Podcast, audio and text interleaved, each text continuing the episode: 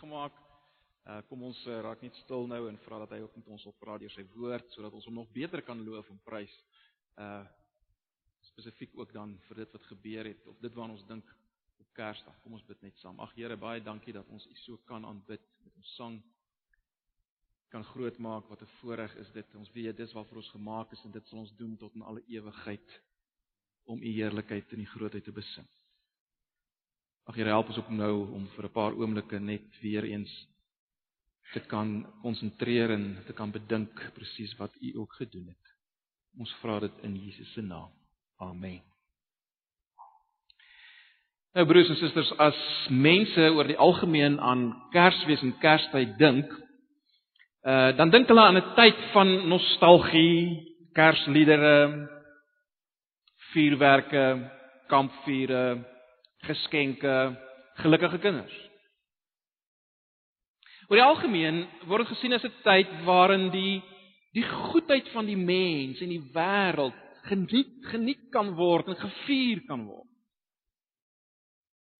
Uh, dalk dink jy nog volgens so uh daaraan. Nou as met Kersfees bedoel word die geboorte van Christus, wel dan mis jy natuurlik die punt as jy so oor Kersfees en Kerstyd dink. Kerstyd behoort ons te herinner aan die feit dat die wêreld 'n skokkende plek is en dat mense in 'n skokkende toestand is.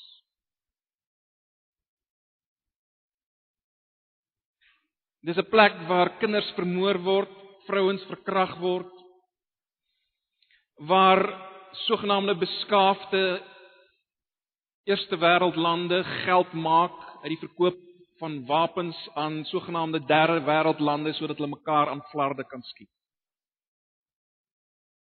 Dis die wêreld, dis die mensdom.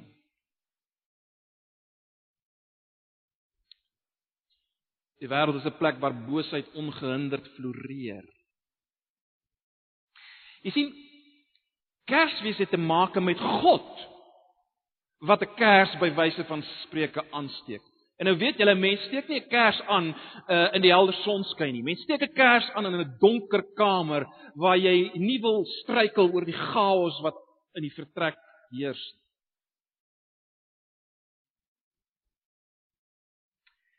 Die lig skyn in die duisternis en die duisternis het dit nie oorweldig nie, sê Johannes in Johannes 1 vers 5.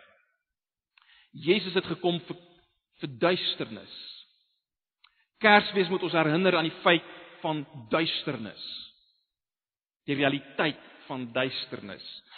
In sy eerste brief sê dieselfde Johannes in 1 Johannes 3 vers 8b: "Vir hierdie doel het die seun van God verskyn." Daar's Kersfees. Vir hierdie doel het die seun van God verskyn om die werke van die duiwel te verbreek.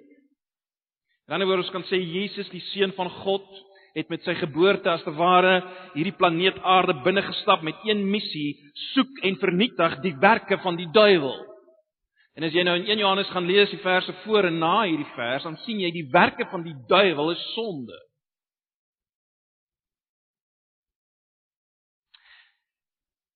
In Romeine hoofstuk 5 sal julle onthou het ons gesien dat sonde deur een mens Adam in die wêreld ingekom het en tot alle mense deurgedring het. Hoe sien ons dit? Wel, die dood het tot alle mense deurgedring. Almal sterf wat op hierdie planeet is en was. 'n Mens kan dit vergelyk met 'n dodelike siekte. 'n Dodelike virus wat Adam oorgedra het aan alle mense, ook aan jou en my. En hierdie virus is vernietigend. Ons sien dit elke dag rondom ons. Kyk maar net aan die koerante. Veral in Suid-Afrika sien ons die vernietigendheid van hierdie virus. Maar is dit al? Is dit net vernietigend? Nee.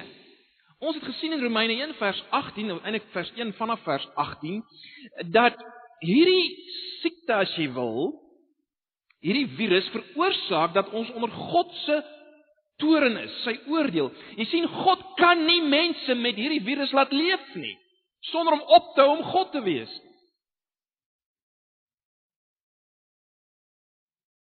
Ons het ook gesien in Romeine dat God in die geskiedenis iets gegee het wat gelyk het asof dit medisyne kon wees vir die siekte. Dit het as te ware beloof om genesing te gee, maar dit het die siekte net erger gemaak. Praat natuurlik van die wet. Die wet van Moses. Ons lees in Romeine 7 vers 10 en die gebod wat die lewe moes wees, die het vir my gebleik die dood te wees. Jy sien hierdie medisyne maak die siekte net al erger. En dit beteken ek is onder oordeel. Beteken ek mis die lewe. Julle sal saamstem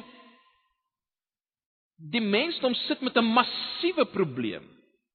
'n Massiewe krisis. En Kersfees kom maak vir ons duidelik wat die krisis is. Maar dank God, ons sien ook wat hy kom doen het aan hierdie krisis. Paulus in Romeine 8 vers 3 tot 4 verwoord dit so en dis waarna ons gaan kyk. Ons het al daarna gekyk, maar ek het gedink is is goed om op hierdie dag uh weer die geleentheid weer daarna te kyk. Romeine 8 vers 3 en 4, want God het wat vir die wet onmoontlik was, omdat dit kragteloos was deur die vlees, deur sy eie seun in die gelykheid van die sondige vlees te stuur. Met ander woorde as mens en dit ter wille van die sonde, die sonde veroordeel in die vlees. Jy sal sien hy sy eie seun in die gelykheid van die sondige vlees gestuur. Daar's Kersfees. Kom ons kyk hierna. Eerstens sê Paulus, daar was iets wat onmoontlik was vir die wet. Iets wat die wet nie kon doen nie. Iets wat daardie medisyne nie kon doen nie. Nou net baie vinnig weer, ons het baie daaroor gepraat. Onthou nou, as ons praat van die wet, praat ons van die hele Ou Testamentiese bedeling as te ware, die hele Ou Verbondsbedeling. Wat insluit al die voorskrifte, al die gebooie, al die rituele, al die feeste. Dit was die wet wat uh op Sinai gegee is en in die tent van samekoms ingesluit die, die soos ek sê die 10 gebooie is net deel daarvan. Wat was vir hierdie wet onmoontlik? Wat kon hierdie wet nie doen nie? Wel, ons het dit nou reeds gesien. Hierdie wet moes lewe bring, dit het as te ware lewe beloof. En julle kan maar in Deuteronomium gaan lees, daar's baie duidelik. Maar ek kon dit nie gee nie. Die wet het lewe beloof. As jy hierdie voorskrifte nakom, sou jy lewe lewe met 'n hoofletter. Uh as ons wil weet wat is hierdie lewe wel, ons sien dit in die begin van die Bybel in Genesis 1 en 2. Hierdie lewe beteken dat ek is in 'n regte verhouding met God, 'n verhouding van geen skaamte en vyandskap tussen my en God nie en in 'n verhouding met die rondom my. Dis die lewe wat wat die wet, wet beloof het om te gee. En daarom as uh, as hoofstuk 8 vers 4 uh, praat van sodat die reg van die wet of die eis van die wet vervul kon word in ons wat nie wandel na die vlees nie, maar na die gees. As daar gepraat word van die reg van die wet op of die die eis van die wet, dan moet dit in hierdie lig gesien word. Jy sien Paulus praat van die lewe wat kom as jy aan die eise van die wet voldoen. Hy praat van die lewe wat kom as jy aan die eise van die wet voldoen. En en ons weet die wet kan opgesom word in twee goed, né? Liefde tot God en liefde tot mekaar. Dis wat Jesus kom sê. Die punt is nou dat die wet, as jy wil die die hele Ou Testamentiese godsdienstige stelsel godsdiens as jy wil kon nie daardie lewe bring wat dit moes bring nie. Mense onder daai bedeling, ons het dit baie vir mekaar gesê die jaar, kon nie die vrug van liefde tot God en liefde tot mekaar voortbring wat 'n mens sou verwag nie. En, en dit bring mense net al meer onder God se oordeel. Dit maak hulle skuldig. Want hulle hulle lewens is nou eintlik 'n verwerping en 'n bespotting van God, die een wie se beeld hulle moet dra, né? Hoekom kan mense nie hierdie vrug dra wat hulle moet, hierdie lewens leef wat hulle moet al het hulle die wet gehad en nog steeds nie. Hoe hoe kan hulle nie? Is daar iets fout met met hierdie wet? Met ander woorde om dit om dit nou om die, om die, terug te kom na ons beeld, het God die verkeerde medisyne gegee? Het hy nuttelose medisyne voorgeskryf? Wel, onthou julle wat het ons gesien in Romeine 7 vers 12, luister. Paulus sê dis is die wet heilig en die gebod is heilig, regverdig en goed. Daar was niks fout met die wet nie. Dis 'n ongelooflike uh dit bevat ongelooflike voorskrifte vir vreugde en werklike lewe. Jy sien, dis nie die probleem nie. Die probleem is die siekte is net baie baie erger as wat ons ooit sal kan dink. Jy sien, hierdie siekte is so erg, dit verander die medisyne en maak die medisyne dodelik. Dis wat hierdie siekte doen. Dit maak die medisyne dodelik. Luister net weer na hoofstuk 7 vers 7 en 8. Maar die sonde het aanleiding gevind deur die gebod en in my allerlei begeerlikheid gewerk, want sonder die wet is die sonde dood. En sonder die wet het ek vroeër gelewe, maar toe die gebod kom, het die sonde weer opgelewe en ek het gesterwe. Dis al wat die wet kan doen. As gevolg van hierdie krag van sonde wat as te ware die wet verander, as ek dit so kan stel en en dodelik maak. Dis geweldig. So hierdie probleem hoekom daar in die lewe kon wees nie. Hoekom ons nie God kan lief hê en mekaar soos ons moet nie. Daai probleem lê in ons en die probleem is sonde. Daai aaklige wrede siekte as jy wil. Die uh 83 vertaling vertaal dit met ons sondige natuur. Hierdie sondige natuur maak die wet swak. Maak die wet eintlik dodelik gevaarlik.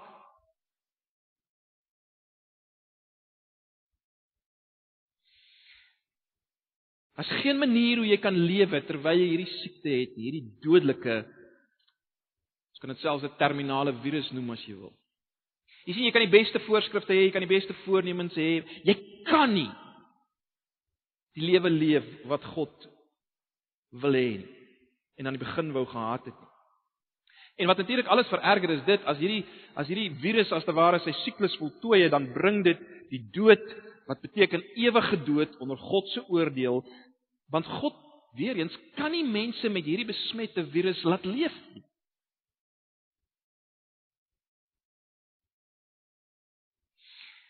As jy wil weet hoe erg hierdie virus is, uh, uh, ons het nie vanoggend werklik tyd nie, maar dink net vir 'n oomblik so daaraan.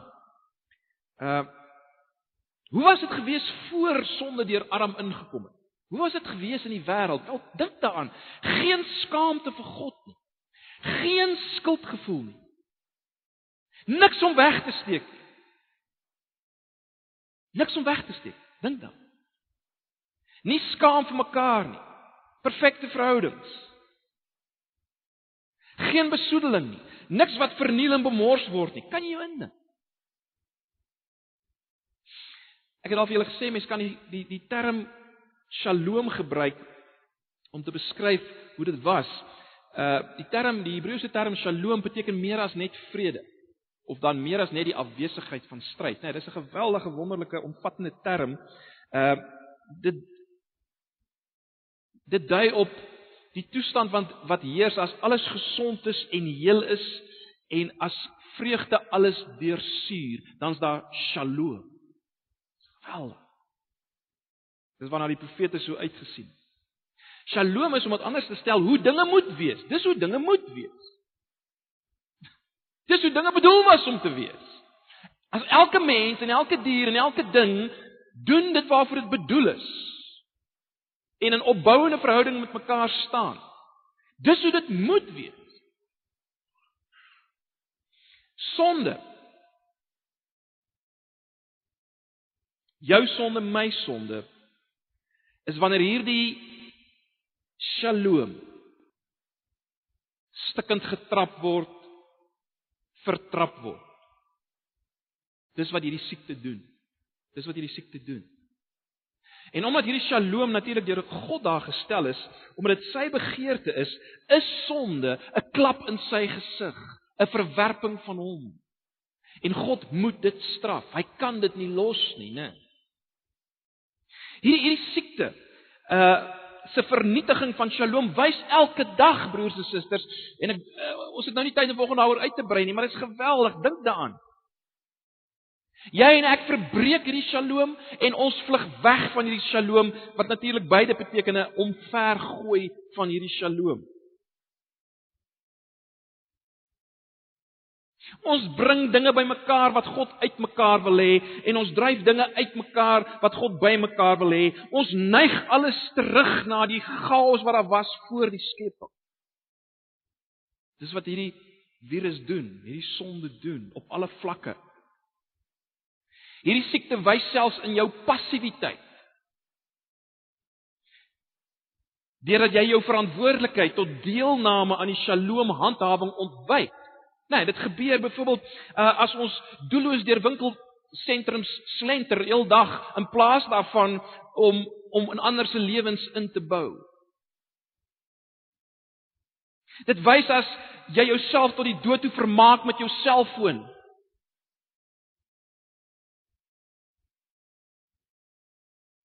In steede daarvan om deel te hê aan die handhawing en uitbouing van Shalom waarvoor jy gemaak is.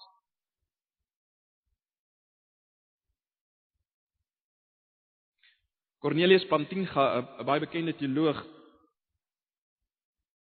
stel hierdie beskryf hierdie siekte so, hy hy wonderlike beskrywing is maar een klein beskrywingkie. Hy sê we blunt our own conscience, darken our own judgment by self-interest and rebuke in others the very vices for which we are famous. Each of us carries around a deep and calm source of delusion which undermines the whole principle of good. Dis die siekte wat ons het. Hierdie hierdie siekte sonde broers en susters maak ons monsters. God moes iets daaraan doen. En dit bring ons by Kersfees. Die groot geneesheer het opgetree. Jy sien daar was net een manier om te handel met hierdie siekte. Daar was net een manier. In die eerste plek was daar net een wat iets kon doen daarin en dit is God en hy het iets daaraan gedoen. Die ongelooflike is dat dit begin eintlik al lank voor Kersfees. Die verstommende is dat hierdie hierdie wet wat gegee is was alreeds deel van die oplossing op 'n op 'n baie snaakse manier.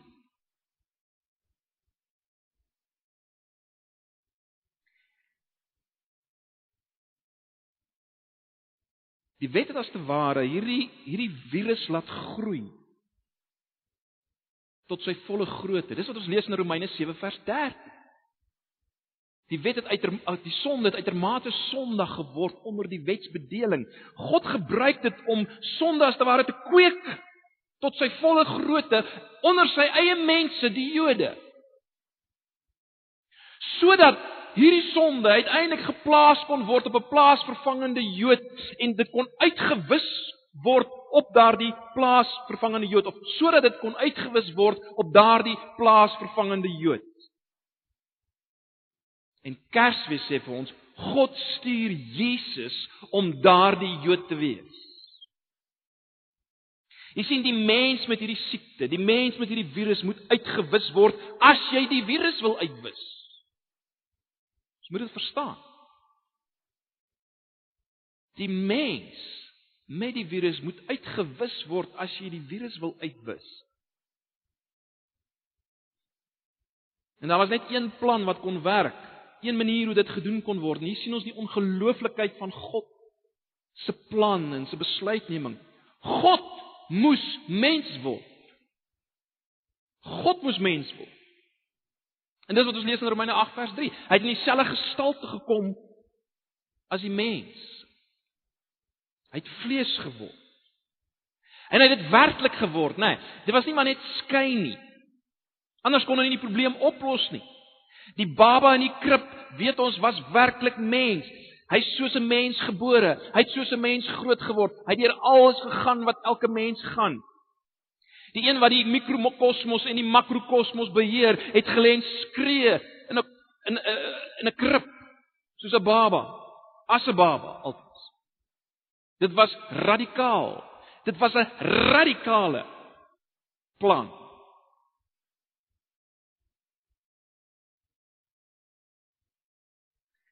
Jy moenie vergeet nie. Hy was absoluut mens, maar terselfdertyd was hy ook werklik God. Hy was sonder die virus, jy sien, dis die punt.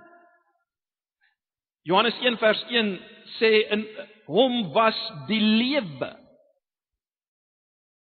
In hom was die lewe waarvan ons nou net gepraat het.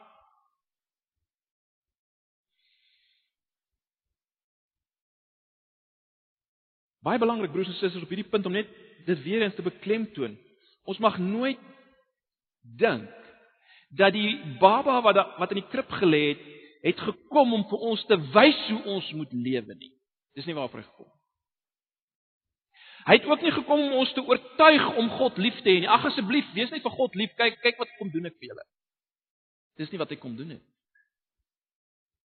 Hy het ook nie gekom om te sê, "Ag, kyk hoe lê ek hier as baba, nou kan julle vir mekaar presente gee en vir mekaar lief wees."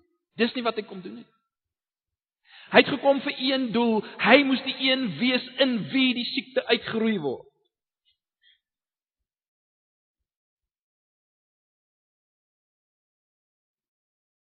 kan vergelyk vergelyk word met 'n moslim selfmoordbommer, né? Nee. Wat op 'n bus klim en weet hy gaan nooit weer afklim. Hy is daar om sy sending te voltooi. Hy moet sterf. Jesus het gekom om sonde te vernietig, om die werke van die duiwel te vernietig, om die duisternis te verbreek. Kersfees gaan oor sonde, duisternis, die werke van die duiwel wat vernietig is. Hoe het hy dit gedoen? Al dis wat beskryf word in vers 3, as vers 3 sê, hy het sonde veroordeel in die vlees.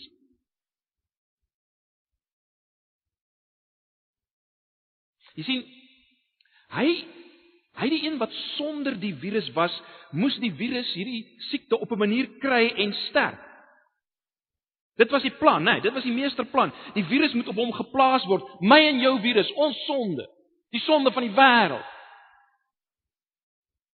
Meer as dit, ons self moes deur God, die groot chirurg, op hom oorgeplaas word.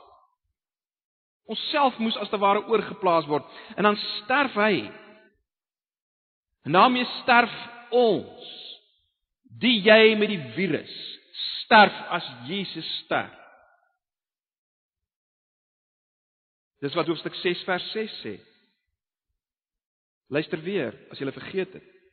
Aangesien ons dit weet dat ons ou mens saam gekruisig is, sodat die liggaam van die sonde tot nul gemaak sou word en ons nie meer die sonde sou dien nie. Ons was in hom toe hy vernietig is, die ou mens, die mens met die virus, die mens in Adam.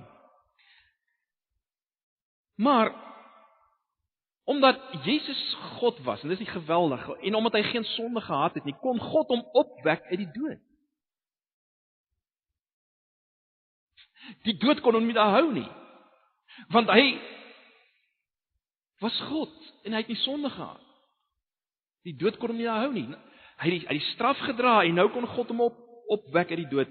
Romeine 6 vers 9 tot 11 stel dit so: Omdat ons weet dat Christus nadat hy opgewek is uit die dode, nie meer sterf nie. Die dood heers nie meer oor hom. Vers 10: Want die dood wat hy gesterf het, het hy vir die sonde eens en vir altyd gesterwe, maar die lewe wat hy leef, leef hy vir God. En dan sê Paulus in Romeine 6 vers 11: So moet julle ook reken dat julle wel vir die sonde dood is, maar lewend is vir God in Christus Jesus ons Here. In hom in hom is ons lewend. Het ons die lewe wat God bedoel het in hom. Let wel in hom en hom alleen. Ag broers en susters, dis dis dis die plan van God. Dis die plan wat begin het met Kersfees. En as jy as jy dit verstaan, dan verstaan jy waaroor Kersfees gaan, né? Dit was radikaal en dit was ingrypend. Ons is nou as kinders van die Here in Jesus. Ons is oorgeplaas. Dis ons enigste hoop. As jy vanoggend iemand is wat nie in Jesus is nie, is daar geen hoop nie. Die virus gaan jou doodmaak en jy gaan onder God se oordeel kom vir die hê van die virus. Punt. Daar's geen hoop vir jou nie. As jy nie in Jesus nie. Geen, geen, geen hoop. Baie erger as kanker.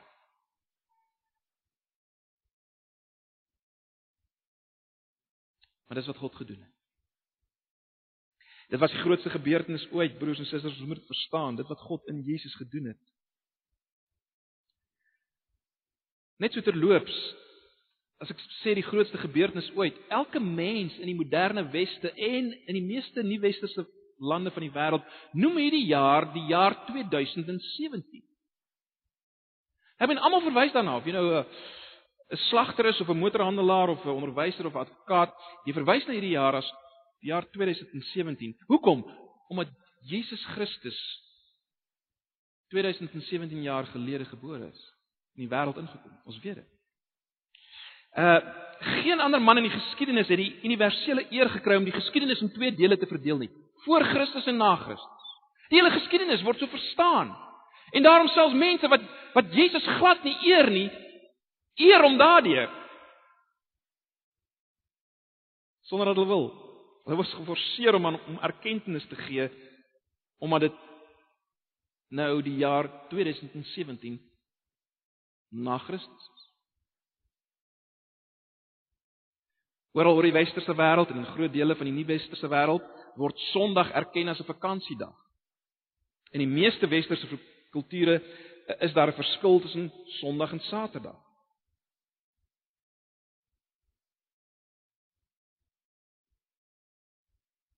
Die dag waarop Jesus opgestaan het uit die dood. En as hy opgestaan het uit die dood op hierdie dag, dan beteken dit hy het gekom en hy het gesterwe. En ons weet waarvoor nou as ons kyk na Romeine 8 vers 3 en 4. Baie vinnig, wat is die gevolge van hierdie Kersplan? En hoe kry ek deel daaraan? Hoe kry ek deel daaraan? Ek het gesê daar's geen hoop as jy nie in Christus is nie, maar goed, wat is die gevolge van die Kersplan? vir die wat nie wat vir die wat in Christus is wel geen veroordeling Romeine 8 vers 1 daar is dan nou geen veroordeling vir die wat in Christus Jesus is nie verstaan ons dit werklik? Glo ons dit werklik? God kyk nie meer na jou na wat jy behoort te wees nie maar wat jy is in Jesus. 'n nuwe mens die mens sonder die virus. En uiteindelik sal ook jou fisiese liggaam lewend gemaak word vir altyd en altyd. Nuut gemaak Dit sê Romeine 8 vers 11, as die Gees in ons bly, dieselfde Gees wat Jesus opgewek het uit die dood, gaan ook ons sterflike liggame opwek. Jy sien die volle uitwerking van wat God in Jesus gedoen het, gaan eers gesmaak word as ook ons fisiese liggame nuut gemaak word. Ons weet nou kan hierdie virus ons weer by tye aanval alhoewel sy mag gebreek het. Kan hy dit kan hierdie virus ons weer in 'n sin aanval? Maar hy gaan nie uiteindelik oorwin nie want ons gaan nuwe liggame kry. As gevolg van wat klaar gedoen is in Jesus. So daar's geen veroordeling. Dis die gevolge van hierdie radikale plan. Geen veroordeling nie. In die tweede plek, lewe en vrede. Dit sien ons in Romeine 8 vers 4 tot 6. Mense probeer lewe kry en vrede kry en ons sien veral in Kerstyd probeer mense baie hard om dit as te ware te produseer. Die punt is God het iets gegee. Sy gees in ons binneste wat ons al meer in staat stel. Ja, dis nog nie volkome nie. Dis nog baie gebroken. Maar dit stel ons in staat om al meer lewe en vrede te beleef hier en nou en uiteindelik vir ewig gaan ons dit hê. Ons wat in Christus Jesus is.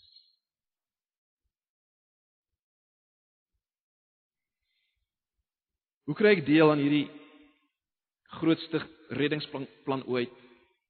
Hoe kan ek weet dis vir my? Wel broers en susters, dit wat ons dis wat ons die hele jaar in Romeine gesien het, nê, nee, daar's net een antwoord.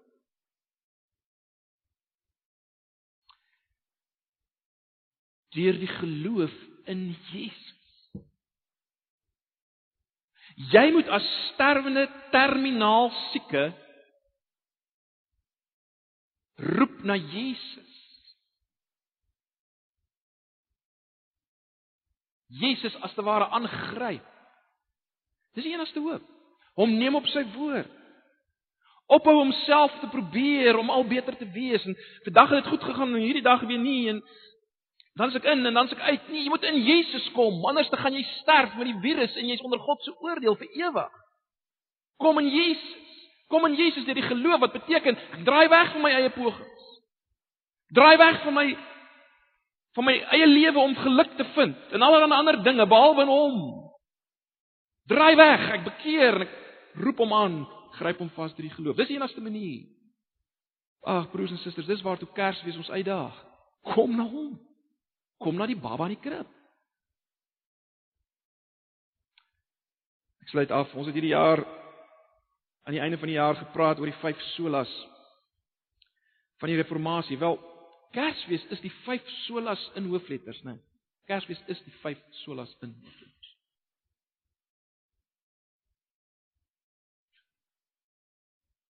Maar ons het nooit vergeet. Mag ons nooit die solas sien sonder en los van Jesus. Dit wat hy kom doen het. Ag broers en susters, my gebed is dat ons uh in hierdie vakansietyd, in hierdie Kerstyd wat die wêreld nie 'n klou het waar dit gaan nie, dat ons ons sal verlustig in dit wat hy gedoen het vir ons in Jesus. Ag en waar ons kan dat ons hierdie hierdie wonderlike wonderlike nuus sal bekend maak op een of ander manier soos die Here ons lei. Ag mag die Here ons daarmee help. Ek gaan 'n paar oomblikke van stil gebed gee waarin ons net dink aan aan dit wat God vir ons gedoen het. Die grootste reddingsplan ooit.